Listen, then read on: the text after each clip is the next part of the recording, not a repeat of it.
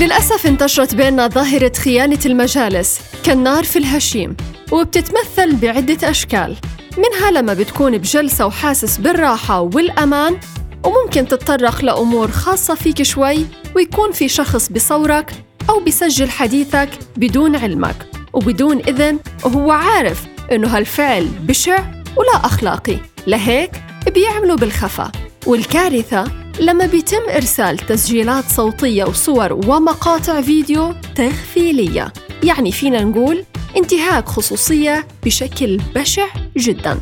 هذا غير المكالمات الهاتفية اللي بيتم تسجيلها أو فتح مكبر الصوت دون علم المتصل الآخر. بالرغم أن المحادثة بتتضمن أسرار وخصوصيات. كمان هالفترة انتشر عنا نوع جديد من انتهاك الخصوصية وخيانة الحديث. وهو لقطات الشاشة وإرسالها على المجموعات العامة أو الخاصة بغير إذن من الشخص. اللي لازم نعرفه إنه خيانة المجالس فعل محرم لأنه بيهدد النسيج الاجتماعي وممكن يسبب فتنة كبيرة بين الناس.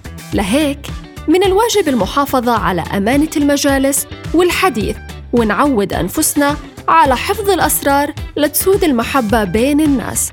ولو كنا مش كفاءة في حفظها خلونا نحاول ما نسمعها أو نتحاشى المجالس.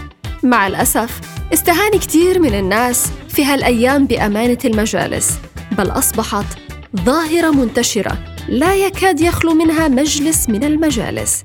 بالختام اتقوا الله في أنفسكم وفي من يجالسكم.